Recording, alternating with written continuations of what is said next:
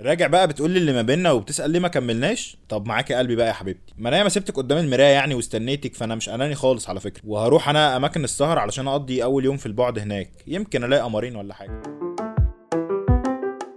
يا صباح مساء الحوارات. من ساعة ما عمرو دياب ساب دينا الشربيني يا صاحبي والحوارات والإشاعات ما سابتهوش، مرة يقول لك ارتبط بإيمي سالم، ومرة يقول لك آه، كارولينا زبوكوفا، مش عارف أنا نطقته إزاي بس قشطة، وكل ما يتصور صورة مع واحدة دلوقتي هيقول لك هوبا الهضبة ارتبط، ما هو على فكرة بقى في كلام إنه هيرجع لدينا، وهما الاتنين كانوا بيقضوا راس السنة في دبي السنة دي، مفيش صور انتشرت ليهم آه مع بعض، لكن مفيش مانع إن هما يكونوا اتقابلوا مثلا واتكلموا، دينا لحد دلوقتي سايبة فيديو عيد ميلاده اللي فات عندها على الانستجرام، فهل بقى عمرو هيراجع نفسه ويفتكر إنه قال عن حضني عمري ما هبعده، ولا قلبه اللي كل يوم بيحب واحد ده هيضيعه ولا إيه؟ ادينا هنشوف، ولو عرفت اي حاجة هاجي أقول لك في ساعتها. سبت بقى أنا حوار عمرو ده بعد ما جبت قرار الموضوع الحمد لله يعني. ورحت بقى اكمل تأليف في السوشيال ميديا. الاقي لك أستاذة عبير صبري ترند هي كمان. كل ده عشان جت في برومو حلقة عمرو الليثي بتاعت يوم الجمعة الجاية وهي بتقول أنا ندمت على لبس الحجاب. والناس بقى قعدوا يتريقوا على ده ويقول لك انها بتقلد رانيا يوسف علشان تاخد الترند بس رانيا لحد دلوقتي 1-0 بالمميزة.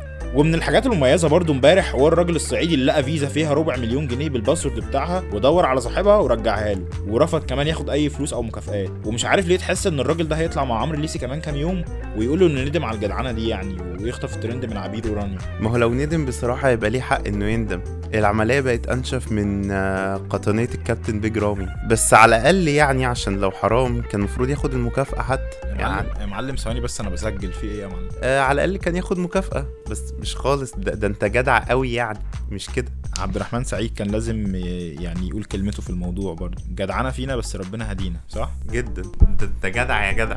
وفي وسط كل الزيطة دي الستات كانوا زعلانين امبارح بعد ما جربوا يدخلوا على موقعهم المفضل فتكات للوصفات والحاجات ولقوا رسالة حزينة إنه bye. Bye مفيش فتكات تاني بقى بعد 10 12 سنة. وهيبقى الموقع ده ذكرى كده تحكي وتتحكى بيها كل أم مع بناتها في المستقبل. ياه إيه يا عم ده؟ أنا مالي اتأثرت كده ليه؟ خلينا يا عم إحنا في اللي يخصنا بقى. كان في قلبان امبارح بعد التسريبات اللي طلعت لتليفون ابل اللي بيتني ده واللي كانوا اتكلموا عنه من فترة بس ما كانش فيه أي حاجة أكيدة لسه. والكلام اتأكد امبارح يعني. بس تخيل إن موبايلات أبل العادية أصلا بتعدي ال 10000 جنيه. فما بالك بقى ال fold يا عم ده حاجات مش لينا دي.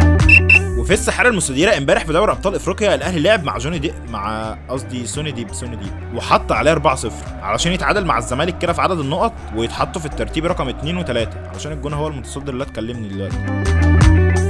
ولما الأربع يجي يرجع لنا برج الجد يا حبيبي. عارف ان قصرت في حقكم والله بس هروق عليك ما تقلقش. بص الأول فكك من التقاقع اللي أنت عامله في نفسك ده وانزل كازيون بقى الحق عروض الأسبوع. وظبط نفسك كده وارجع بقى اقعد اسمع الأغنيتين الجداد بتوع حمزة نمرة الساعة 7 بالليل. واستغل الفرفشة اللي أنت فيها واعزم ال crush على قهوة في حتة بعيدة ال weekend ده. واستفيد من عروض خصومات ال 70% من اتش اند ام واشتري لك طقمين كده حلوين بقى وادعي لي ها. ولما تسألك جبت الفكرة الهايلة دي منين سمعها ال morning voice note وفرفشها كده. أي خدعة يا زميلي. سلام. خليك واصل.